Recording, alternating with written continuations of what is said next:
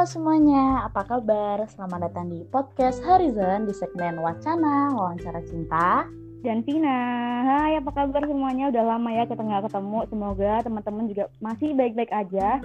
Selamat datang di podcast pertama. Eh, kok podcast pertama? Ini kan udah podcast keberapa ya sini? Sekian ya. Udah lama nih, udah lama nih nggak nge-podcast jadi sampai lupa udah episode keberapa. Ya. Selamat datang di podcast Horizon bersama Wacana. Yeay. Hari ini kita dengan bintang tamu. Jadi bintang tamu. Siapa tuh? Siapa nih kira-kira? Ayo dong tebak. Aduh. Aduh, jangan tebak-tebakan dong, nanti lama. Oh iya benar, iya durasi, maaf. Siapa sih Nasil? Kita kedatangan bintang tamunya ini Ketua BEM 2020. Jadi angkatan kita masuk, kakak Hmm. ini jadi ketua BEM-nya gitu. Pasti udah pada tahu sih. Udah bisa ditebak lah ya. Ya, Padu. Pasti Udah udah, bisa pada ditebak tahu. lah. Ya. Oke, langsung aja kita ada, panggil udah ya. banyak juga, Cin. Mm-mm, langsung. Kak Raji. Halo, Selamat datang Kak Raji. Halo, Kak. Delvina. Apa kabar Kak Alhamdulillah Raji? baik. Perkenalannya jadi aku kerasa tua banget ya. Kalian masuk, aku pejabat gitu. Apalagi sekarang udah di makin tua. Karena kita di sini tuh bicara fakta kan. Bagus, bagus, bagus. Kita kalau bicara yang fakta. Kita nggak ada gimmick-gimmick di sini, Kak. Jadi ya Iya, apa adanya. nggak- boleh, nggak boleh Ya. Bener. Mm-mm. Sekarang Kak Raji lagi stay di mana Kak? sekarang Atau di Surabaya atau Aku sekarang Gimana, lagi Kak? stay di Balikpapan. Wih, jauh ya ternyata. Oh jauh ya? Lumayan lah. Kalau dari Surabaya sekitar satu jam setengah lebih naik pesawat. Waduh, naik pesawat aja satu jam setengah. Kalau naik kapal dua hari. Iya, bisa. Wow. Agak kaget ya. Iya. Abis naik eh, pesawat yang cuma berjam-jam, Iya. terus naik kapal langsung hari. Iya, makanya. Di sana gimana, Kak? Tapi Kak Raji emang dari sana? Iya, aku asli Balikpapan, lahir besar di Balikpapan juga. Buat fansnya, tolong dicatat ya. Ternyata Kak dari Balikpapan, teman-teman. Please diingat. Ingat, nanti tanggal ulang tahunnya kita tanya seiring berjalannya waktu ya. Step by step ya. Kalian mengulik informasi. Sana lagi Benar. gimana, Kak? step by step. Kenapa? Cuacanya cuacanya lagi hujan juga atau Kebetulan cuacanya barusan hujannya reda nih. Oh barusan reda hujannya? Barusan banget kebetulan. Kayaknya hujannya tahu mau rekaman ya. Oh iya, alhamdulillah ya kan rezeki. Benar. Di sini juga kering ya sih, maksudnya belum hujan Belum sih, di tapi Surabaya itu. mendung, udah mendung. Mm-mm. Kalau Cinta Vina di Surabaya berarti sekarang. Ya, di Surabaya. Iya, stay di Surabaya. Tapi di di rumah yang berbeda Menjaga ya. UNED. Iya. Hmm, benar. Mm-mm. Kak Raji sekarang kegiatannya lagi ngapain kak? Iya. Kegiatannya Kan libur selama libur ini ya. Kalau uh, Mm. kan kebetulan baru aja demisioner kemarin tanggal 17 Januari itu uh, sertijab ketua BEM yang baru. Nah, habis itu kesibukannya sih masih skripsi aja sih sejauh ini. Hmm, Berarti fokus ngejar Iya, skripsi ya fokus kak? skripsi lanjutin Iya. skripsi. Berarti ini udah pelantikan kayak gitu ya, Kak ya? Sudah, sudah. Siap-siap oprek nih. Oh, udah resmi dia. oh, iya. Oh iya, oprek BEM. Ih, udah ngomongin BEM aja. Dari kemarin kita ngomongin BEM terus ya? Iya, jadi wawasan kita bertambah tentang BEM ya, Vin ya. Iya, Wah, mantap sih. Terus mantap ini banget. kan pandemi kayak gini nih Kak, udah berapa bulan ya kita pan- ada pandemi kayak gini. Mm-mm. Hal yang dilakukan Hmm. sama Kak Rajib ngapain aja nih selama pandemi ini? Oke, selama pandemi ya.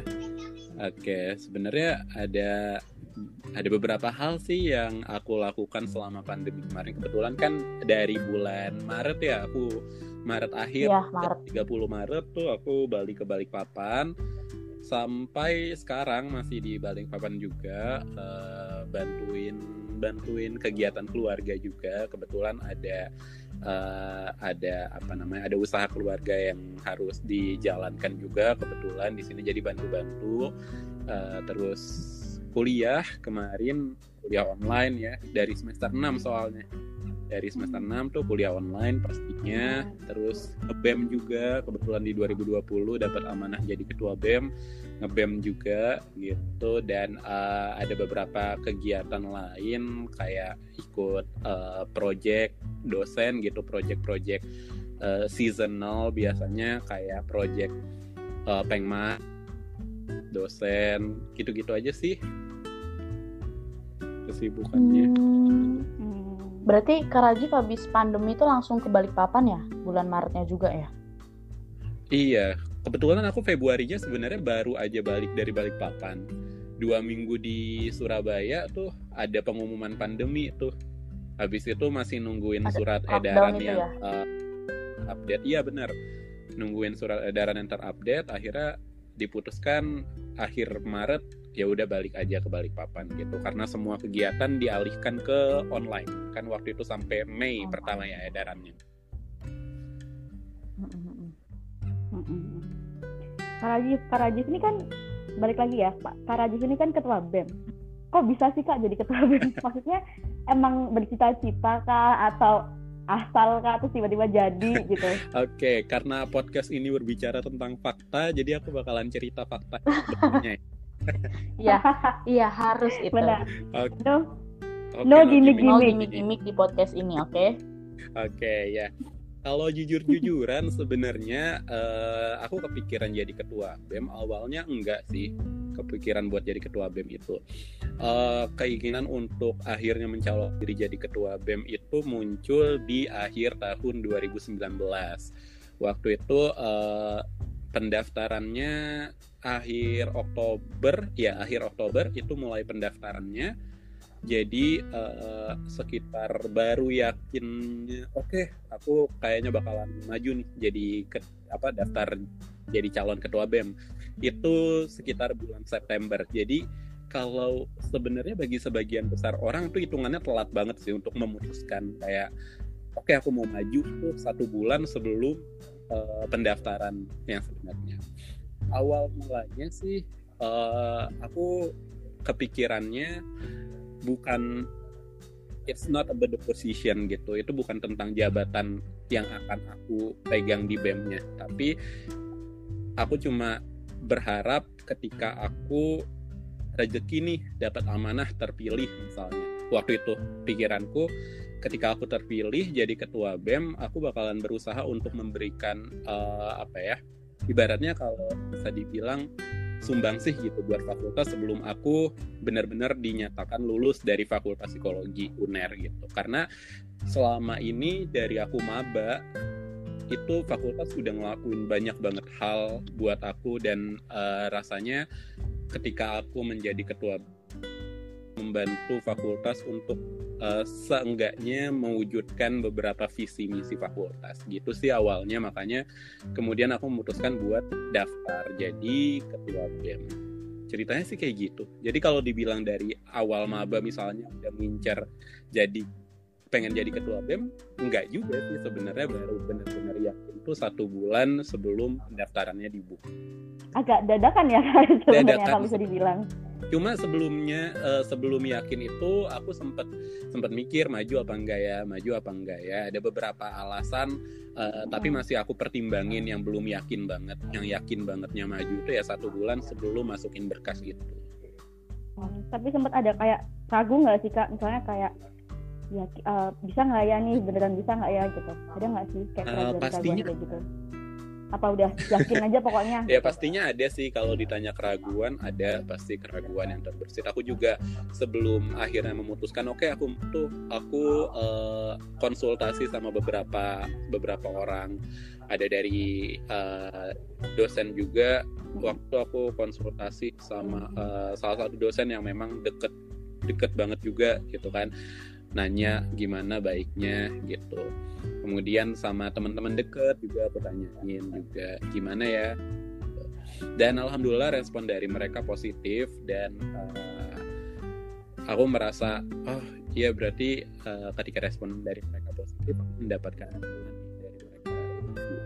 So why not? gitu aku percaya ketika niatnya baik maka uh, jalannya akan dimudahkan ke depannya. Itu sih keyakinan terbesarku saat itu meskipun kayak oh itu bakalan jadi kali pertamanya aku memimpin sebuah organisasi yang bisa dikatakan cukup besar gitu BEM fakultas gitu. Itu pertama kalinya hmm. aku bakalan mengemban amanah itu. Tapi ketika ya itu tadi ketika aku percaya bahwa aku uh, punya kapabilitas aku percaya bahwa niat yang baik pasti bakalan di uh, dimudahkan di jalan ke depannya itu. Mungkin jadiin kata-katanya pokoknya percaya ya, dulu lah gitu ya, yakin gitu, lah ya yang penting yakin ya. Bener bener. Hmm. terus ceritain dong kak pengalaman yang berkesan menurut kak Rajif selama di BEM itu. Pengalaman berkesan selama di BEM ya. Sebenarnya banyak banget kalau ditanyain berkesan apa enggak. Karena in the end of the day uh, aku belajar banyak banget. Aku dan teman-teman terutama teman-teman uh, BEM itu belajar banyak banget ketika sudah menyelesaikan masa jabatan kita. Gitu. Apalagi kita adalah BEM per yang ngeran organisasi di tengah masa pandemi gitu. Awalnya ketika ketika kita yeah. me, menyusun proker di awal-awal kepengurusan itu kan kita tidak men-setting akan menjalankan sebuah proker di masa pandemi itu. Nah tiba-tiba dapat edaran mm-hmm. baru uh, edarannya tuh banyak kan ya. Yang edaran pertama itu cuma ketika masa-masa UTS jadi cuma dua minggu. Edaran kedua keluar yeah. dari Maret akhir sampai uh, Mei Mei akhir ya Nah, ternyata ya. ketika Mei ya. akhir masih berlanjut tuh sampai sampai Agustus kalau nggak salah ya. Kemudian pas mau semester baru keluar lagi bahwa satu semester ke depannya bakalan online. Hitungannya berarti satu kepengurusan BEM ini bakalan online itu. Kita yang awalnya uh, ya, kita yang awalnya cuman uh, ngeset ngeset plan buat offline aja akhirnya kita di awal-awal tuh harus ngerombak lagi. Plannya nggak nggak nggak boleh cuma A atau B tapi ada lagi plan A plan B plan C dan seterusnya yang mana yang paling mungkin bisa kita implementasikan. Jadi ketika nanti uh, waktunya sudah datang kita punya beberapa opsi yang paling sesuai nih sama kondisi saat ini yang mana yang bisa kita implementasikan. Itu sih kebetulan aku uh, ngebem juga di tahun kedua ya di sebelum sebelum aku jadi ngebem itu aku jadi staff di departemen pengabdian masyarakat juga. Dan saat itu kita ya udah ketika kita uh, punya plan A nih paling-paling pas implementasi plan nggak berubah berubah drastis banget ya ada lah perubahan gitu ya namanya rencana dan realisasi itu kemungkinan ada perubahan tuh besar. Cuma perubahannya iya. itu nggak nggak terlalu signifikan gitu dari rencana kita. Sedangkan di pengurusan kali ini kita di challenge untuk gimana merubah proker-proker yang sudah kita canangkan. Kemudian ketika tidak bisa diubah, kita substitusi dengan kegiatan seperti apa gitu. Dengan uh, sumber daya manusia yang ini terpencar-pencar nih SDM-nya. Dengan apa namanya batasan teknologi dan lain sebagainya gitu ya. Yeah. Karena meskipun uh, meskipun juga oh kita nih bisa nih disatukan sama uh, meeting online misalnya kayak gitu tapi udah kuliah uh, online ya di pagi kemudian kita rapat bem lagi kemudian ada proker lagi yang semuanya online tuh ada yang kita sebut uh, biasanya zoom fatigue gitu ya kelelahan uh, karena kita kita kebanyakan nih di depan laptop itu kan juga mungkin terjadi. Jadi kita nggak cuma challenge sama plan-plannya aja tapi kita juga ya ini mau nggak mau prokernya ya harus tetap jalan tapi gimana caranya kita juga memudahkan tim pelaksana ini supaya nggak nggak apa ya, supaya tetap nyaman gitu selama menjalankan kepengurusan kayak gitu sih. Jadi banyak banget sebenarnya hal-hal menarik yang yang terjadi. Tapi menariknya itu tidak selalu di awal kita uh, seneng ngejalaninnya gitu ya. Karena menariknya itu di awal ya ya ada perasaan kaget gitu kan. Tapi uh, ketika waktu itu berjalan rasa kaget itu sedikit demi sedikit sudah melewati fase kebiasaan kan. Akhirnya membuat membuat kita semua jadi lebih fleksibel aja sih gitu. Hmm, jadi ini ya Karena banyak karena ya, online ya. Apalagi apa namanya Hmm. tiba-tiba udah langsung eh langsung online itu maksudnya nggak ada apa-apa rencana juga rencana offline tiba-tiba langsung sama pemerintah online gitu. Jadi semuanya harus bener berubah. tiba-tiba bang Online. kenapa Tapi Kak Rajif, kalau dulu pertama kali waktu hmm, pertama kali denger nggak boleh ketemu nih, maksudnya PSBB jadi harus dilaksanain online. Sempet kayak kalang kabut gitu nggak Kalau sih Kak? kalang kabut enggak sih sejauh yang aku rasakan eh sama teman-teman kalang kabut tuh enggak. Teman-teman tuh tetap bisa alhamdulillahnya tetap bisa eh dibilang santai ya nggak santai sih namanya berubah ya situasinya ya. Cuma nggak sampai di tahap yang kalang kabut banget. Sampai Hmm. kalau kalang kabut itu kan konotasinya kayak eh tidak teratur gitu ya. Nah ini ya Ya aut-autan. alhamdulillahnya teman-teman kayak itu bingung gitu. bisa masih bisa gitu ngehandle perubahannya meskipun ya perubahannya tuh terjadinya drastis banget gitu. Tapi uh, dari kitanya juga kayak Drastis, ya kita mm. pikirkan satu-satu gitu. Nanti kita cari nih uh, kalau misalnya untuk implementasi proker A misalnya masalahnya apa aja sih itu kita coba list satu-satu gitu. Jadi kayak ya udah kita dari BPH terutama tetap ngeyakinin teman-teman departemen dan biro untuk perlahan tapi pasti ada perubahan gitu. Jadi nggak yang kita kita nggak nuntut dari awal bahwa setiap departemen dan biro harus berubah ya gitu. Enggak, tapi kita eh, kita ngasih pengertian juga gitu buat teman-teman. Eh, kita kemungkinan nih bakalan online nih ya meskipun edarannya belum keluar kita kayaknya kemungkinan bakalan tetap lanjut online jadi kalian coba di eh, di apa namanya dievaluasi lagi yang rencana-rencana sejauh ini kira-kira kalau nantinya di online kan akan seperti apa gitu. Jadi kita emang ngasih ngasih waktu juga buat teman-teman eh, menganalisis kembali kayak gitu plan-plan yang sudah mereka buat. Jadi nggak langsung eh, minta kita berusaha untuk make sure bahwa eh, mereka terfasilitasi juga ketika mereka kesulitan itu sih pastinya. Hmm. Teamworknya Iya. keren banget ya, Cin.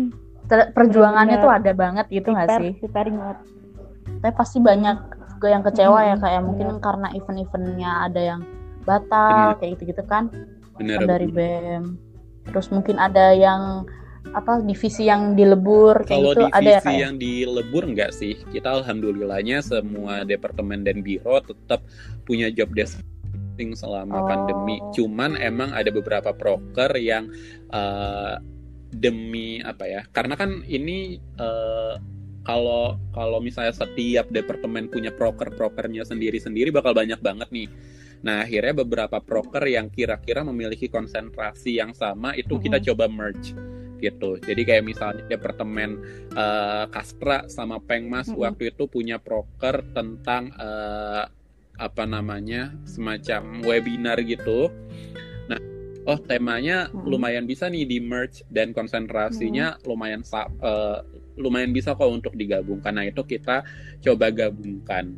Sebenarnya bukan tanpa alasan karena itu tadi ada ketika ketika kita melaksanakan program kerja yang banyak tapi kayak setipe gitu kan kadang. Nah ada ada program kerja yang agak sama nih kita gabungkan aja dalam satu dalam satu waktu. Jadi eh, pesannya dari kedua proker ini tetap tersampaikan, tapi kita tidak membutuhkan waktu yang banyak untuk melaksanakan dua program yang berbeda. Jadi waktunya bisa lebih diefisienkan kayak gitu sih paling, tapi nggak sama eh, departemen atau biro enggak. Oh, oke. Masih ngomongin soal poker ya kak. Kemarin tuh kita juga habis Oke. ngewawancarain salah satu calon ketua BEM. Nah. Calon ketua BEM itu kan biasanya punya poker betul. unggulan ya, Cin. boleh tak boleh tahu nggak dulu tuh kakak waktu Oke. mendaftarin BEM Eh, punya proker proker unggulan apa sih kak? unggulanku waktu daftar ke BEM itu namanya interpsychology. Jadi interpsychology itu sebenarnya lebih ke arah konsentrasi sih, lebih ke Mhm. arah konsentrasi. Di mana nanti dalam interpsychology itu ada kegiatan-kegiatan yang ber- bertujuan untuk mendukung proses internasionalisasi fakultas. Karena eh, pada saat itu juga fakultas dan universitas sedang menggencarkan eh, apa namanya world class university juga. Meskipun dari tahun-tahun sebelumnya juga udah digencarkan sih.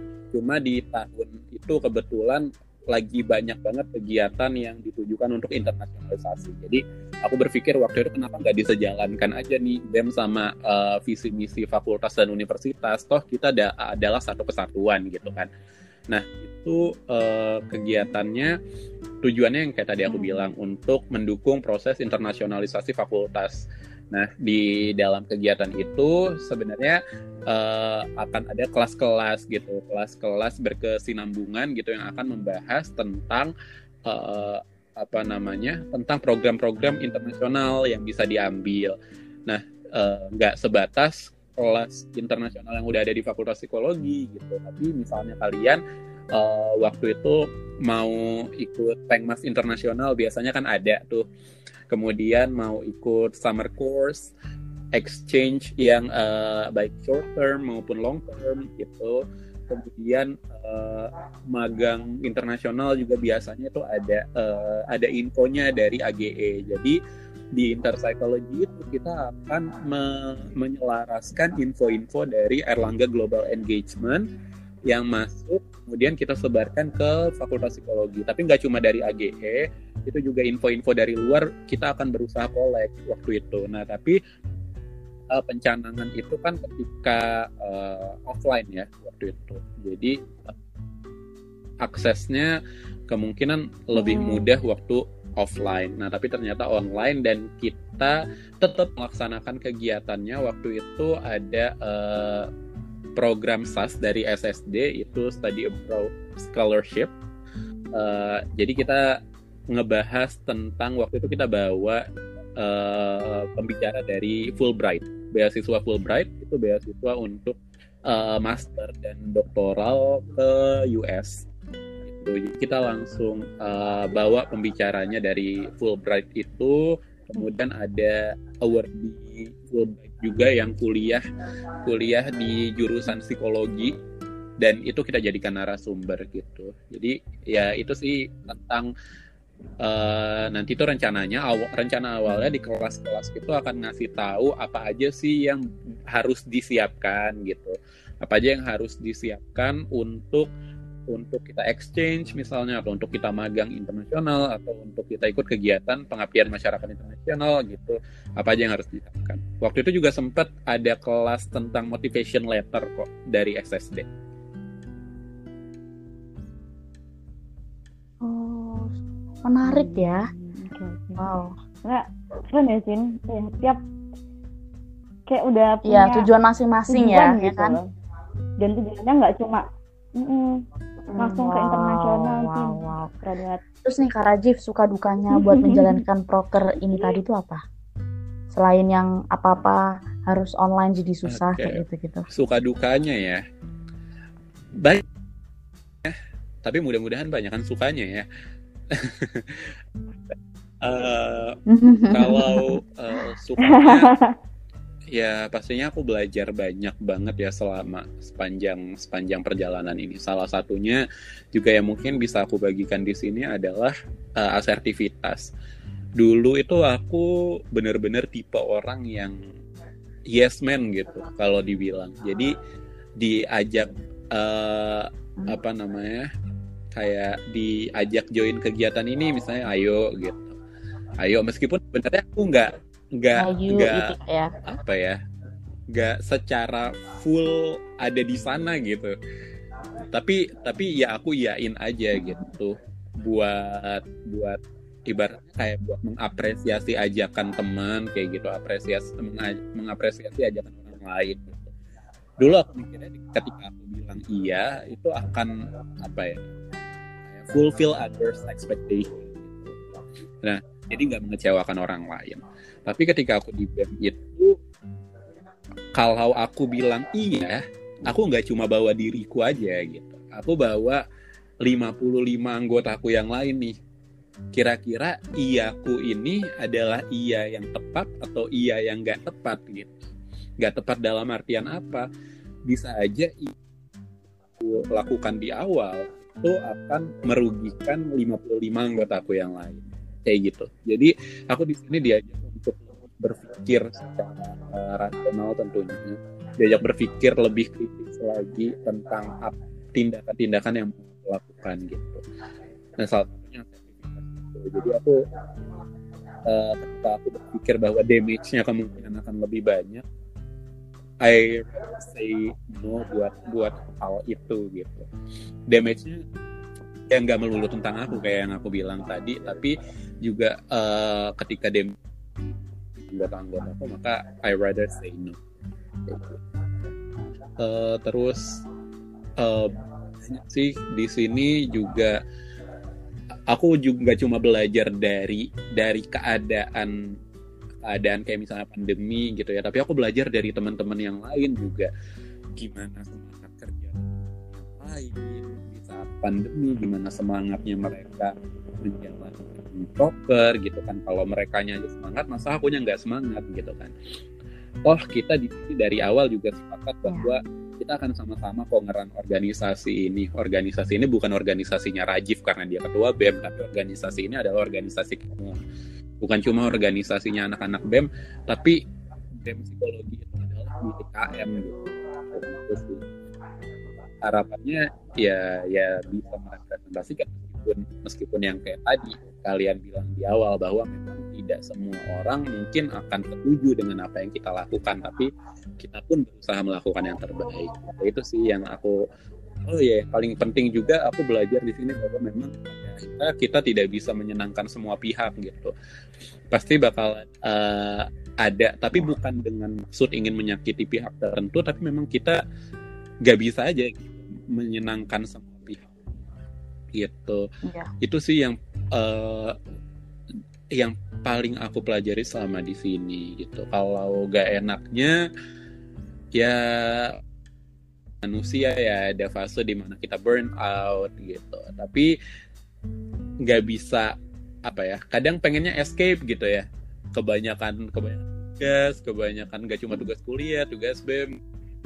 Pengen hmm. Tapi ketika aku escape, aku mempertaruhkan nasib 55 anggotaku yang lain gitu. Jadi ya udah uh, keep continue tapi tapi ada ada yang ngeganjel gitu cuma cuma uh, sedikit demi sedikit uh, rasa ngeganjel itu juga juga hilang dengan sendirinya sih maksudnya dengan kita menjalankan hal-hal yang lain menyelipkan aktivitas-aktivitas yang kiranya bisa bisa jadi uh, healing healing proses buat kita juga gitu. Mm-hmm. Itu sih palingan yang aku lakuin tapi yang namanya manusia ya pasti ada fase burn out dan pengen escape itu sih. Ya. Jadi tanggung jawabnya di sini kerasa banget kerasa banget ya. Nah, Arjif karena bawa Bener. 55 orang itu tadi ya? Wow oke okay, oke. Okay. wah ternyata di balik seorang Mas Raju itu ya, ada banyak banyak ya. beban ya, ya di ketika pundaknya dia, banyak tanggung jawab mm -mm. juga Mas Rajif Mas Rajif say yes-nya organisasi. Oh, kita say yes-nya buat nongkrong ya, Jadi diajak nongkrong ke sini, oke. Okay. Nongkrong ke sana, oke. Okay. Gak Karena ada belum ya, iya. Beda ya, ada beda belum.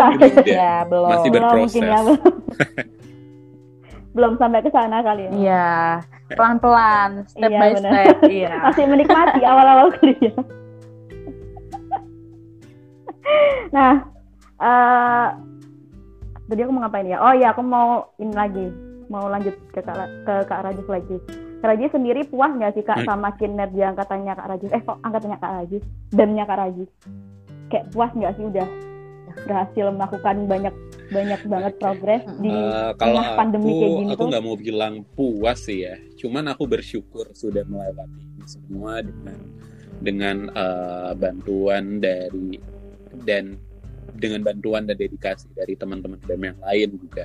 Dibilang puas aku nggak mau berpuas diri karena masih banyak hal yang memang harus diperbaiki dan masih banyak hal yang selain harus memang bisa diperbaiki gitu. Jadi nggak pengen stay di situ meskipun mungkin ada pihak yang uh, merasa wah keren nih programnya gitu.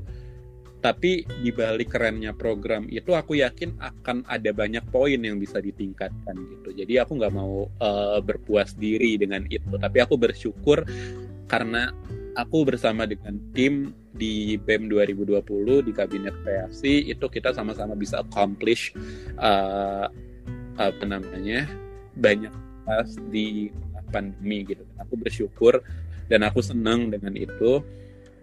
Tapi akan ada banyak hal yang memang harus ditingkatkan lagi gitu sih.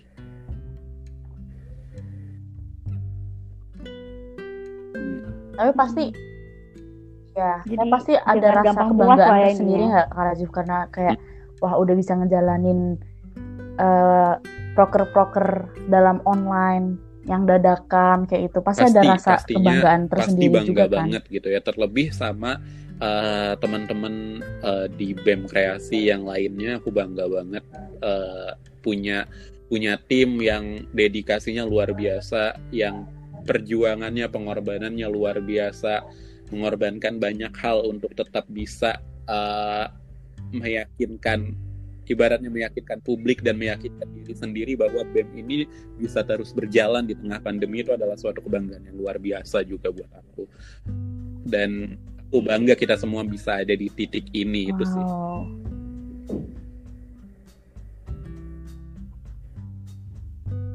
wow aduh nggak bisa berkata-kata.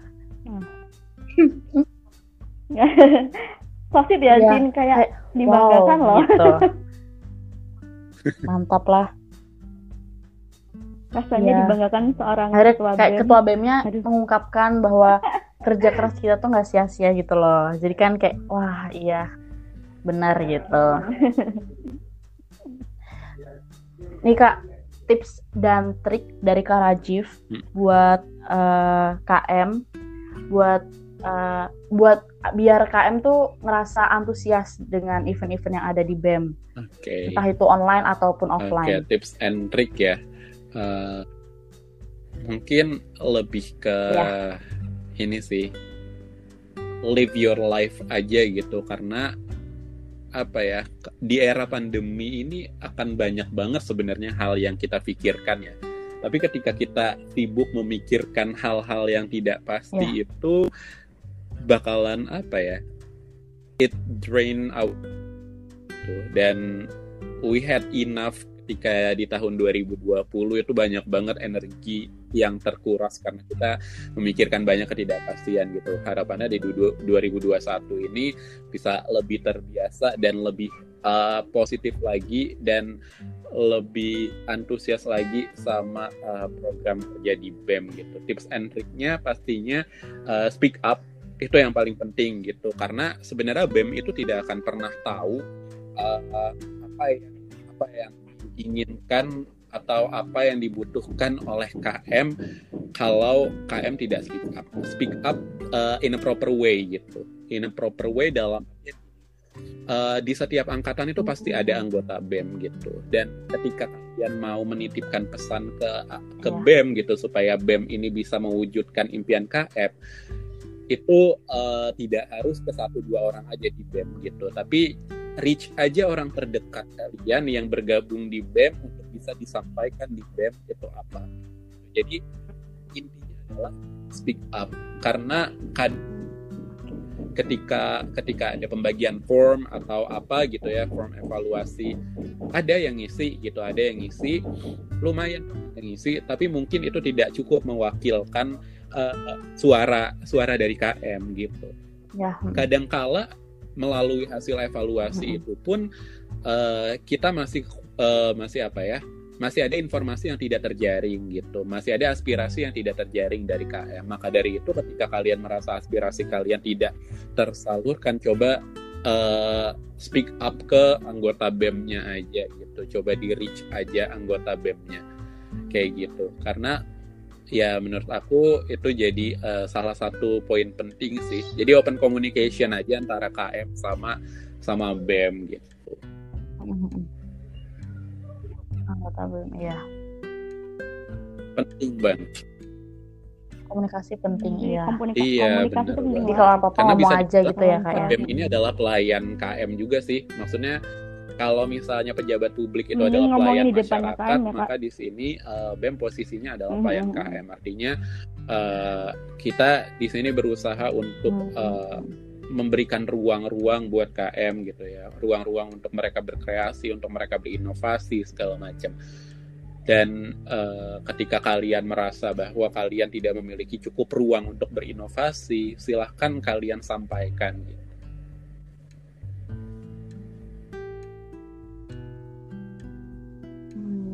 Hmm, gitu ya Jadi mending langsung nyampein ke depannya KM supaya tersalurkan ya, Ya, Jin daripada ngomongin di benar. belakang udah nggak kesalurkan. Dosa juga orang. Nah, Kak Rajif, eh, kan kita kan kuliah online, kemarin juga habis ospek juga online. Nah, ada yang baru lagi nih. Pemilihan ketua BEM Uh, juga pemilihan online. Online Rajif, kemarin ya. gimana sih Kak Kalau pendapatnya soal menurut pemilihan aku, online kemarin? Pemilihan online kemarin Mm-mm. Oke, kalau menurut aku pemilihan online kemarin itu eh, apa ya? It's the best we can do di di tengah pandemi ini sih. Cuman emang pada akhirnya ada beberapa eh, ada beberapa elemen yang mungkin tidak bisa tidak bisa kita eh, kita apa ya namanya kita masukkan dalam metode online gitu. Ada beberapa ada beberapa hal yang mungkin miss ketika ketika dijalankan di offline tapi tidak bisa dijalankan di online gitu. Kayak misalnya eh, ketika kan beda ya ketika orang membawakan misalnya speech aja gitu. Ketika orang membawakan speech secara langsung di depan audiens secara langsung dan ketika seseorang itu membawakan speech secara online. Biasanya kalau dari aku personally aku ngerasa ketika aku ngomong secara online itu ada banyak hal di sekitarku yang mendistraksi aku untuk bicara gitu. Jadi ini bakalan eh, bakalan ngaruh juga sih menurutku kepada calon-calonnya juga ya. Jadi kemungkinan calon-calonnya akan akan kehilangan fokus ketika mereka bicara secara online daripada pas offline. Cuman lagi kita uh, dengan, dengan segala peraturan yang ada memang tidak bisa menjalankan secara online eh, uh, offline. Akhirnya kita jalankan secara online dan aku pikir uh, it's better than nothing gitu. Gitu sih Tapi itu Dan jadi pengalaman pengalaman baru juga, pengalaman iya. juga ya, Cin, buat angkatannya kita Iya, karena terus kita dapat sertifikat lagi. udah online, iya. Dengan kayaknya kita nggak kayak wow pemira Hmm. dapat sertifikat gitu padahal kita cuma Kayak- milih gitu kan wow ya dan milihnya juga online Iya, kan, betul. Ke- kenal juga lewat online gitu. Jadi hmm, bener pengalaman baru juga buat kita gitu ya. kemarin kan juga udah pelantikan ya Kak Rajif Abis ini juga bakalan buka oprek-oprek buat anggota BEM. Harapan Kak Oke. Rajif buat Eh, BEM ke depannya ini gimana? harapanku buat BEM ke depannya pastinya eh, tetap tetap berusaha memberikan yang terbaik, tetap berusaha eh, apa ya?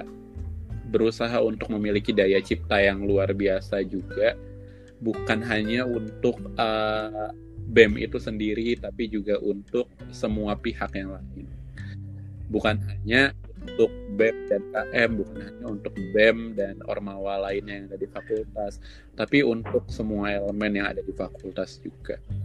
Eh, dan komunikasinya pun, aku berharap komunikasi di BEM itu bisa tetap berjalan ke semua arah gitu. Artinya eh, ya bisa ke dekanat gitu, menjalin komunikasi yang baik dengan pihak dekanat, dengan KM, dengan sesama ormawa, kemudian dengan alumni dan uh, dan relasi-relasi yang lainnya gitu. Itu sih harapan terbesarku dan pastinya uh, tetap selalu uh, haus akan ilmu sih itu itu yang paling penting semoga uh, ini bisa menjadi tempat juga untuk uh, para anggotanya terutama belajar banyak hal yang mungkin gak dipelajari di tempat lain itu sih jadi kan BEM ini adalah organisasi yang istimewa uh, yang yang bisa memberikan perubahan yang mudah-mudahan positif buat semua pihak yang terlibat di dalamnya. Itu sih. Amin, amin. Oke, buat Horizon nah, tadi ya. kan udah tuh Kak, harapan buat BEM-nya. Harapan buat KM 2020 ini gimana Kak? Oke, buat adik-adik aku yang uh, Iya dong, di podcastnya Horizon. Teman-teman Horizon. Ya, uh, ingat belajarnya kalian uh, mau masuk semester dua ya berarti ya. Oke, mau masuk semester dua, uh, ya, jangan pernah takut akan tantangan pastinya ya. Jangan pernah takut -hmm. akan tantangan. Uh, jadikanlah tantangan itu sebagai sebagai sarana kalian untuk lebih berkembang lagi. Sadari potensi kalian, sadari kapabilitas yang ada dalam diri kalian, karena pada dasarnya kalian adalah orang-orang yang hebat dan kalian hanya perlu untuk menyadari potensi dan menajamkan potensi kalian lagi. Kalian semuanya adalah orang-orang yang memiliki potensi. Sadarilah dan uh, asahlah dan sebarkanlah ilmu-ilmu yang bermanfaat buat orang-orang di sekitar kalian. Tetaplah menginspirasi. Itu buat Horizon. Wih, aduh, mantep nih. Keren ya. Keren juga. Iya. Pesan-pesannya agak ngejelep ya. Iya. Sadar, sadarilah potensi. Tapi dari pagi aja udah bangunnya siang. Bangun Mungkin makan juga efek tidur lagi gitu juga ya. Apakah itu Benar, nah, apakah itu potensi saja perkembangan kita lihat. seperti apa gitu ya? Siapa tahu kan. ya Kak Raji pertanyaannya udah ya. habis wawancara kita udah selesai aduh nggak ya, kerasa ya. ini seru sih ini seru ngomong, ya. ngomong udah selesai Podcast kali gitu. ini lebih seru emang biasanya udah seru cuma ini lebih seru lagi. Aku mau ngucapin terima kasih banyak buat Kak Rajif karena udah mau gabung di podcast Horizon iya, terima kasih juga pada hari buat, ini. uh, Horizon yang udah udah ngundang aku. Ini kesempatan yang luar biasa ya. It's such an honor buat diundang sama Horizon nih. Aduh jadi terbang aku. jadi, ya, jadi ngerasa iya. spesial ya kan. Jadi merasa penting ya Cin. Makasih juga ya buat teman-teman yang udah dengerin podcast ini sampai selesai. Jaga kesehatan. Buat Kak Rajis juga jaga kesehatan. Yes. Tetap semangat. Tetap um, bahagia. Pantun lah. Mau pantun ah. Gue mengapresiasi pantun Kenapa apa. cinta nih? Siapa nih yang pantun? Kenapa cinta Aduh, nih? Malu. Kak Rajin jangan ketawa ya. Satu atau dua kata. Kak Rajin dulu deh. Ya. Kak Rajin ada nggak satu Sebelum atau dua kata ya. gitu buat penutup? Aduh aku nggak jago buat pantun. atau Kak Rajin juga nih. punya puisi juga atau pantun boleh. Apa ya? Uh, muda berdaya. muda berdaya. Jiwa-jiwa buat jiwa muda ini tetaplah berdaya. Muda berdaya. Wow. Dua kata tapi muda berdaya.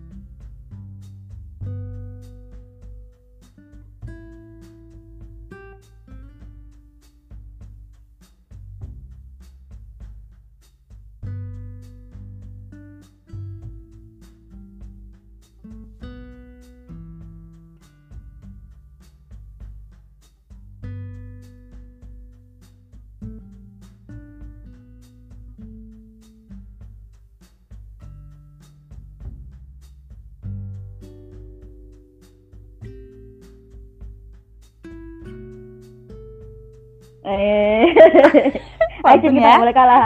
Sikat Cin. Mencari peniti di dalam jerami. Yuk. Semoga kita berjumpa lagi. Aku Cakep. Cinta. Dadah, sampai ketemu lagi. Dah, aku Vina. Terima kasih semuanya, terima kasih. Terima kasih semuanya.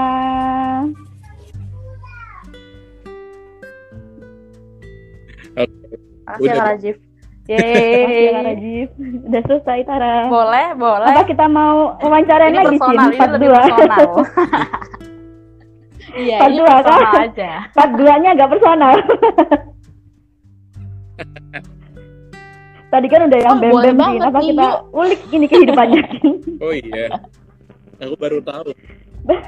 iya jujur banyak Kak Rajif yang iya, diam-diam itu kagum sama Kak Rajif wow Kak Rajif Kak Rajif apalagi pas uh, ngasih sepatah dua kata waktu pertama kali mos eh ospek masnya kayak anak SMA mas sekarang kamu ospek tuh kayak ah, harus iya vibesnya masih vibe udah kuliah SMA. sih udah kuliah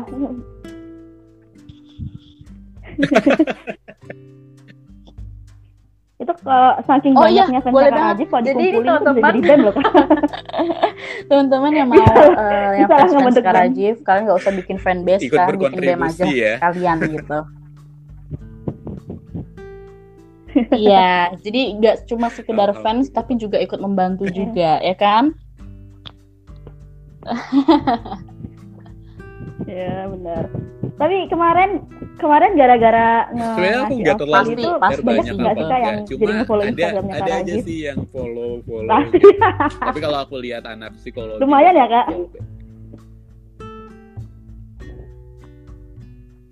Wih, ayo kita follow, ayo kita follow Vina. Vina ayo kita follow. Oh, langsung di follow back ya. Berarti kita follow sekarang. Oke. Okay. langsung okay. ya. Oke. habis gini ini N langsung kita, kita follow ya Cin ya, okay. kalau nggak di follow back nanti sudah kita putar rekaman ini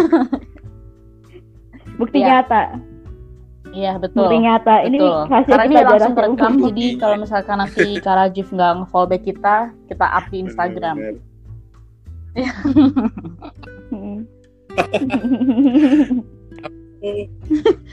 Rajin merasa Kak Rajin ganteng nggak sih? Pertanyaan macam apa? Ini aku penasaran bener. Banyak orang yang udah jauh Karena banyak banget loh. Nggak mungkin kalau Karajif Iya, mungkin Karajif ini ininya. Tapi Karajif salah satunya. Organisasi boy ya? banget gitu, organisasi men. Bukan anak iya. organisasi yeah. banget loh sebenarnya. Makanya tadi aku makanya aku tadi wow. bilang kan uh, aku pun baru yakin tuh satu bulan sebelum Mari masuk kita kulik. karena memang pada dasar aku bukan anak organisasi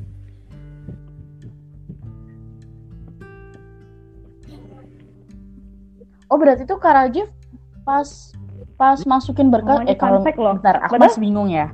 Kalau kita mau ngajuin sebagai ketua BEM itu harus harus ini ya eh, harus nggak uh, harus di BEM, BEM sebenarnya kan? tapi harus masuk uh, di, BEM organisasi dulu, kan? kemahasiswaan dalam uh, dalam lingkungan universitas. Oh, Jadi kalaupun kalian misalnya okay. sebelumnya di tahun pertama BLM, terus kalian mau daftar jadi ketua BEM ya bisa-bisa aja karena BLM hmm. kan adalah salah satu ormawa. Jadi nggak harus di BEM. Oh, oh gitu gitu. Oh oke okay, oke. Okay. Wow ilmu baru. Iya hmm, iya sama baru baru gitu, ngeh nih jenisnya iya kayak dari ke mana-mana tuh bingung juga sebenarnya mau wawancara kita mau nanya tuh juga ikut bingung ya kan karena kita belum paham ya kan Iya. nanti belum nanti paham, nggak lihat kampus. tahun mudah-mudahan bisa ke kampus. Ya, seenggaknya buat buat legalisir ijazah ke kampus ya. Amin, amin, amin. Cepet hilang. Amin ya Allah.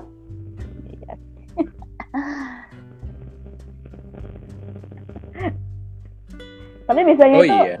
uh, pada pengen masuk kampus off offline ya, offline itu gara-gara pengen well, dapat gebetan. Uh, Bener nggak sih kak kalau misalnya kalau misalnya karena offline tuh banyak yang sinlok sinlok gitu. Jadi uh, banyak kan sih sama anak dari fakultas Hmm. Tapi jangan-jangan karena anak cowoknya psikologi dikit, ceweknya banyak. Jadi satu cowok banyak cewek, okay. ya kan? Jangan-jangan nih, jangan-jangan kayak gitu. kayak belum cukup uh, belum cukup evidence. Kita lihat, kita lihat pengalamannya Kak Rajif, apakah benar?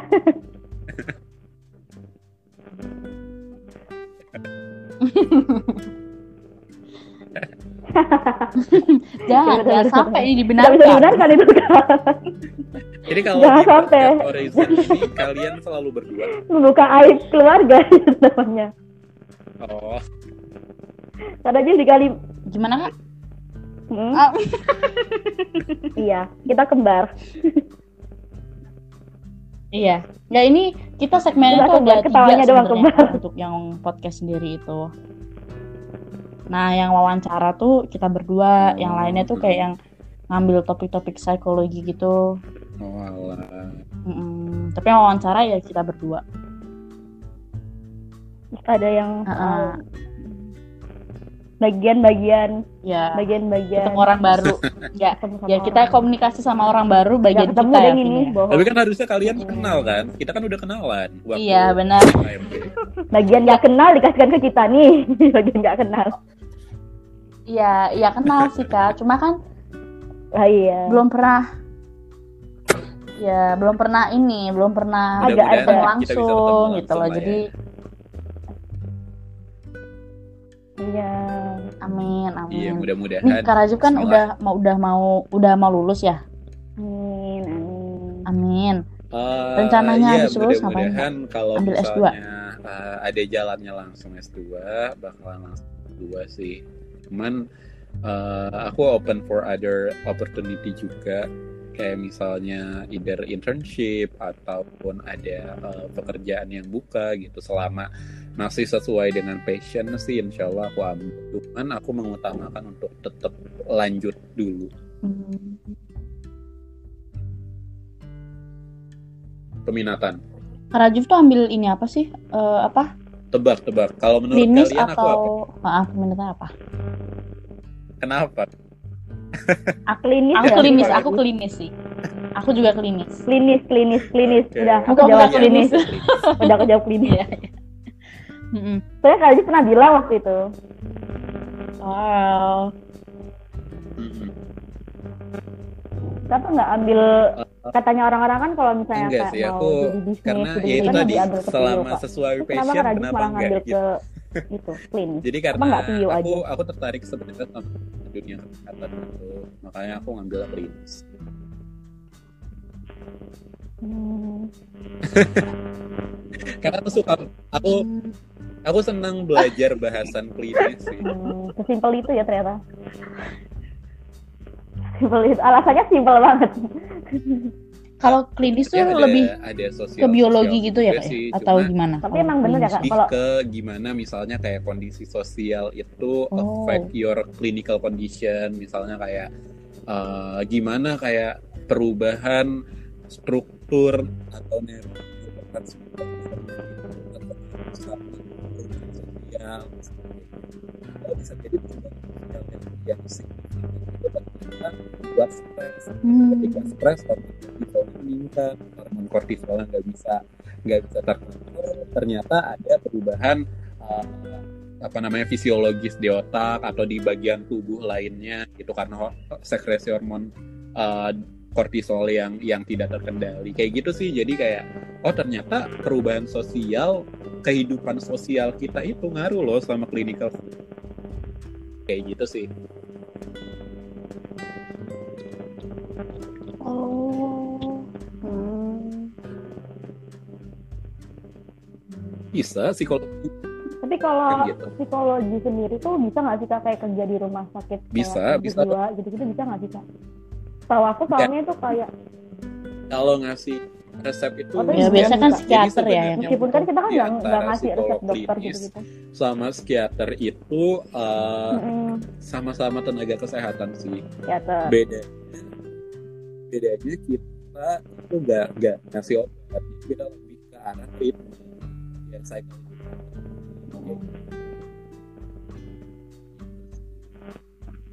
oh putus-putus ya Hmm. sekarang masih putus-putus oh Iya. Lagi putus-putus. ya gitu sih kalau kita itu Nggak. lebih ke arah psychological Hmm. treatment kayak gitu Enggak enggak udah enggak. Tapi bisa banget karena menurut undang-undang psikolog klinis itu adalah tenaga kesehatan termasuk nakes. Hmm.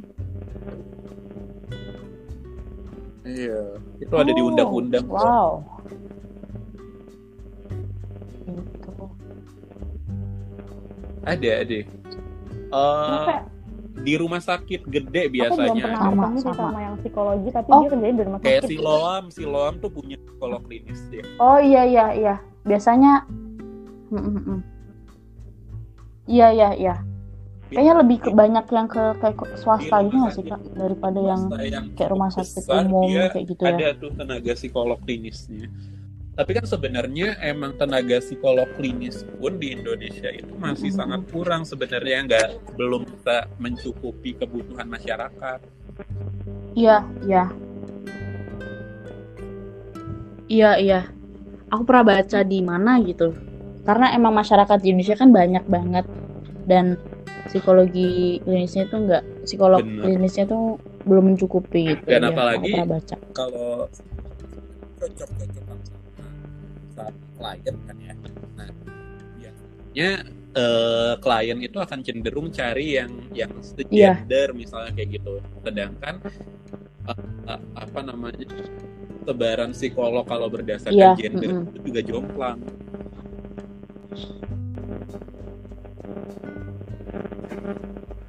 Oh, iya, iya, benar. Iya sih. Karena kan cowoknya emang gitu banget ya. Iya. Raja dulu emang pengen masuk psikolog dari awal atau kenapa kamu psikolog? Maksudnya kan psikolog kan cowoknya dikit gitu loh. Uh, kok long story short sebenarnya aku punya kecelakaan aku aku kecelakaan waktu SMP kelas 2 uh, terus karena kecelakaan itu akhirnya aku nggak bisa daftar dokter. Jadi uh, pas kelas 2 SMA aku coba dealing sama diriku sendiri apa ya yang yang yang yang bisa selain dokter tapi tapi aku tetap bisa jadi uh, tetap bisa berkecimpung di dunia kesehatan gitu. Ada sebenarnya public health uh, kesmas kan, kesmas, easy gitu kesmas, easy psikologi. Tapi aku ngelihatnya oh psikologi lebih apa ya? Ibaratnya lebih berhubungan sama klien. Aku emang dari awal udah langsung nembak psikologi klinis gitu, karena hmm. emang emang pengennya ya ya berkecimpung di dunia kesehatan gitu dan aku juga suka pandai tentang kesehatan kesehatan gitu dari awal udah nembak bisnis itu sih asal mulanya karena memang awalnya aku ada kecelakaan dan aku gak bisa karena kecelakaan itu akhirnya aku coba jurusan lain dan yang paling match di antara jurusan yang ada itu psikologi klinis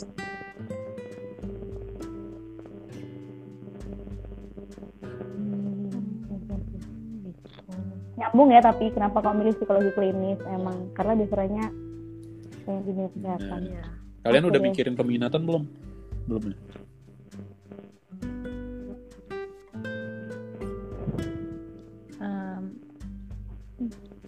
Belum aku kan aku kayak udah, udah ada pandangan tapi kayak masih maju mundur. Iya. Udah ada pandangan tapi masih maju mundur. aja. yang penting gitu. Jadi di, agak yang penting apa ya Pokoknya perjalanan ya, dari benar. semester 1 sampai 4 itu benar-benar kalian bakalan apa ya? Bakalan masa-masa penentuan sih sebenarnya. Jadi mungkin kalian akan worry ketika setelah semester 4 di semester 5 kalian masih belum bisa menentukan gitu. Karena sebisa mungkin di semester 1 sampai 4 kalian sudah berusaha menentukan kalian mau ngambil apa. Karena itu mata-mata kuliah dasar-dasar kan.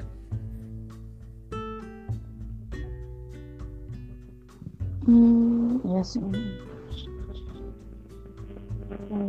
Eh. Tamparan buat aku, ayo Vina. Waktu buat aku, ayo cinta. Masih banyak yang tanyain. Selamat kita nikmati. Ya. Kak Rajis pernah nggak sih kak ngulang mata kuliah? Aku uh, ya, pernah, pernah waktu semester pendek tapi buat baikin.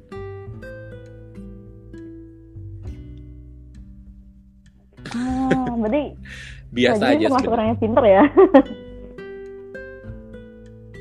pinter-pinter dan Enggak ini ngulang matkulnya antara kurang puas sama nilainya atau hmm. emang nilainya udah harus ngulang maktul gitu loh. Kayaknya sih kurang puas sih karena kurang puas. Kayaknya kenapa kayaknya tuh gak segitu ya dapat AB pengennya A gitu. Ya, kayaknya gitu, dapat uh, karena karena dia mencolok sendiri nilainya.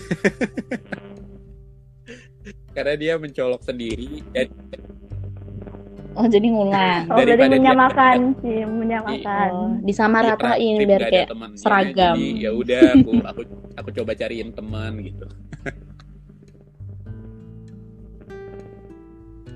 oh.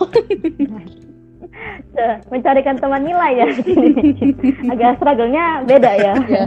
Kita kita kan masih cari teman berdasarkan teman iya, manusia. Iya benar. Ini teman nilai. nilai. Gitu. Iya kasihan kita tapi penasaran ya kak IPK paling kecilnya Kak Rajif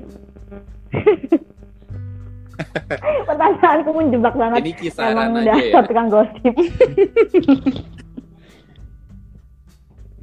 Ya boleh deh. Ya. Aduh aku deg-degan udah denger ya. Aku kayak gak mau dengerin. Iya, gak usah harusnya kamu tadi gak usah nanya itu, Pina. Waduh, gimana nih ngomongnya? Ini buat kita aja berarti ya. ini nggak disiarin kalau ini yeah. nggak disiarin. Yeah. Alhamdulillah.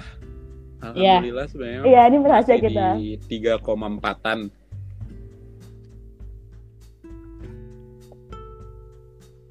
Wah, apa ini? Apa ini Miska? Beda kasta kita.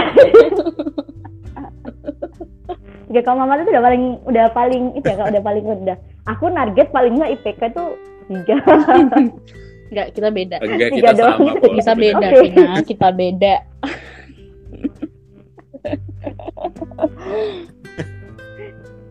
Perbedaan ini sangat nyata ya, Cinta. Iya. Mencolok. Ya, kayak langsung kayak, Tapi IPK won't define gitu? you kok. Tenang aja. 3,4.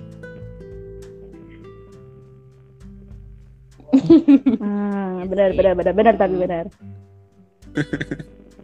ya lalu banyak tertawa hari ini paling kamu ketahui pas ini doang kan, pas podcast doang.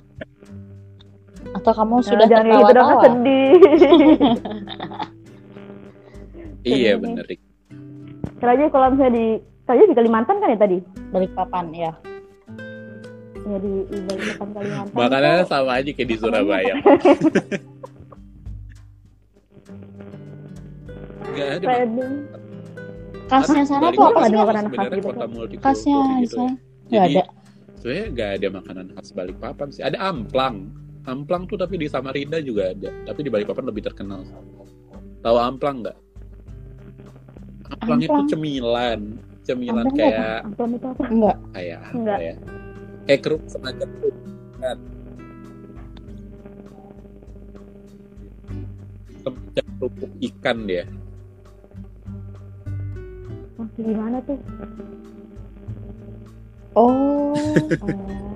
Mungkin kita nanti searching sendiri kali ya, Vin.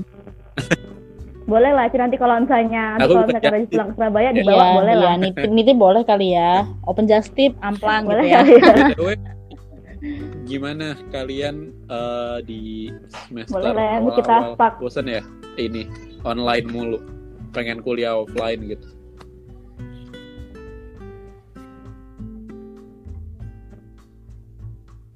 Eh, aku sih aku sih lebih takut kalau ny- udah terlanjur nyaman gitu. benar sih Nanti kalau udah nyaman online nggak mau pandemi offline buat gitu. diri sendiri kalau kayak gitu Lebih ya takutnya itu. bener bener Iya. Kalau aku tidak merasakan apa pun. Kayak sama aja nggak sih, kuliah, Ya kan? kuliah cuma kuliah cuma nyalain laptop doang, habis itu ketiduran. tapi Kalau selama pulang-pulang pandemi absen, absennya di absen aja 100%. kalau inget, kalau nggak inget ya udah. Ya Allah, apa sih? Oh, Iya, benar. gitu. Aku aja kayaknya udah. absenku semuanya 100% padahal Aku aku kayaknya nggak absen dua minggu. selama kayak ya udah, hal ini iya. Oh. Tapi dosen tuh kalau nilai kita kayak mau ngasih nilai kita tuh apa sih kak ininya? Maksudnya ngelihat dari mana aja? nah apa kalau ujian dosen ujian itu terus tugas atau sesuai gimana? RPS sih biasanya. Jadi ada ada di RPS tuh kan ada prosentase nilai tuh di UTS misalnya 30%, UAS 40%, 30% dari presentasi misalnya kayak gitu ya nilai kalian dari situ sih. Mm. Gantung Oh. tergantung Tapi yang paling gede itu matkulnya. apa ya? Biasanya Oh tapi UTS tergantung matkulnya juga tuh ya. presentasenya sama terus eh, atau UAS biasanya lebih gede tergantung effort yang kalian keluarkan soalnya nanti kalau di awal memang lebih banyak online ya tesnya itu Oh. tapi ketika kalian sudah masuk di semester 3 kalau nggak salah kayaknya mulai mulai buat makalah-makalah laporan-laporan tuh di semester 3 nah itu kan kalau kalian buat laporan kayak misalnya pengukuran gitu kan. Laporannya kan tebel tuh. Nah effort yang kalian keluarkan di situ kan gede. Biasanya tuh prosentasenya lebih gede. Gitu.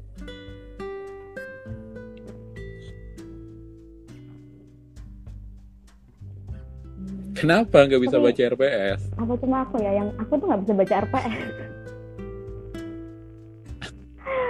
Aneh ya. banyak gak sih? Susah nggak website kata-katanya aja gitu susah ada. gitu loh. Baku, biasanya baku. Yang nggak bisa kayak dicerna. Kayak baku, laporan jadi- sistematika laporannya ada di RPS kayak gitu Gak apa-apa jelas kok di RPS tuh. Yang Nah, buat bingung tuh cuma tabelnya yang aku banyak, tapi di bawah tabel itu Saya bisa aku baca RPS. informasinya bisa diresapi kok di bawah tabelnya. Iya, tak. Iya.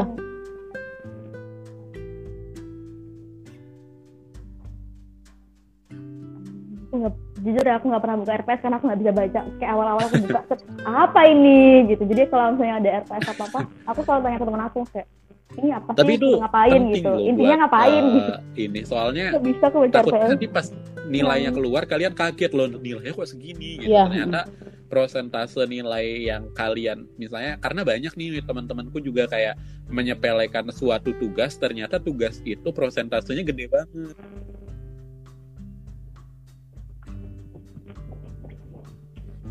Jadi hmm, Hmm, takut kan? Takut kan? Iya agak agak agak deg-degan nih Soalnya- sekarang. jujur kemarin kayak oke nggak jujur apa-apa. aku ini kalau RPS tuh jarang sih buka semua Hmm. matkul RPS tapi yang paling sering banget RPS Sapsi. Udah itu yang paling sering. Karena u- UAS ujiannya kan ini kan ikut RPS nah itu jadi harus mantau RPS terus gitu Tapi ada beberapa Sabsi mata kuliah yang. RPS-nya berubah sih. Kalau kalian udah ke atas-atas tuh nanti ada berubah. Jadi tugasnya di RPS apa, tugas yang dikasih nanti apa gitu.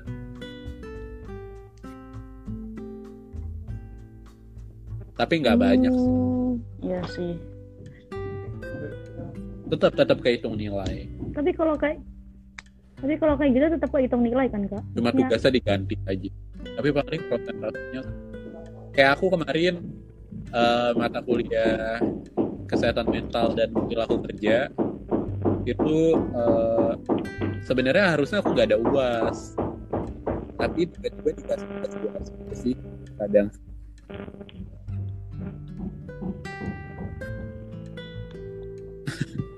Tapi nggak banyak yang kayak gitu. Hmm, random juga ya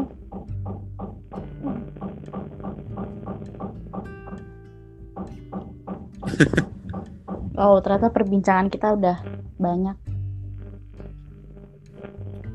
Kalian Iya, kalau seru. mau nanya nggak harus lewat podcast kok.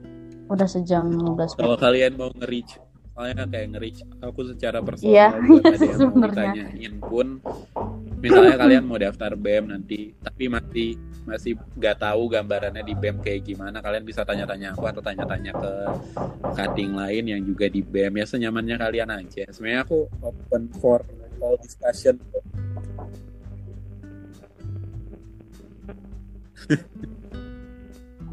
Oke. Iya. Udah kayak kata saran ya? Makasih banyak ya Kak Rajif wow kita dikasih kalau ilmu yang Nilai banyak hari manfaat. ini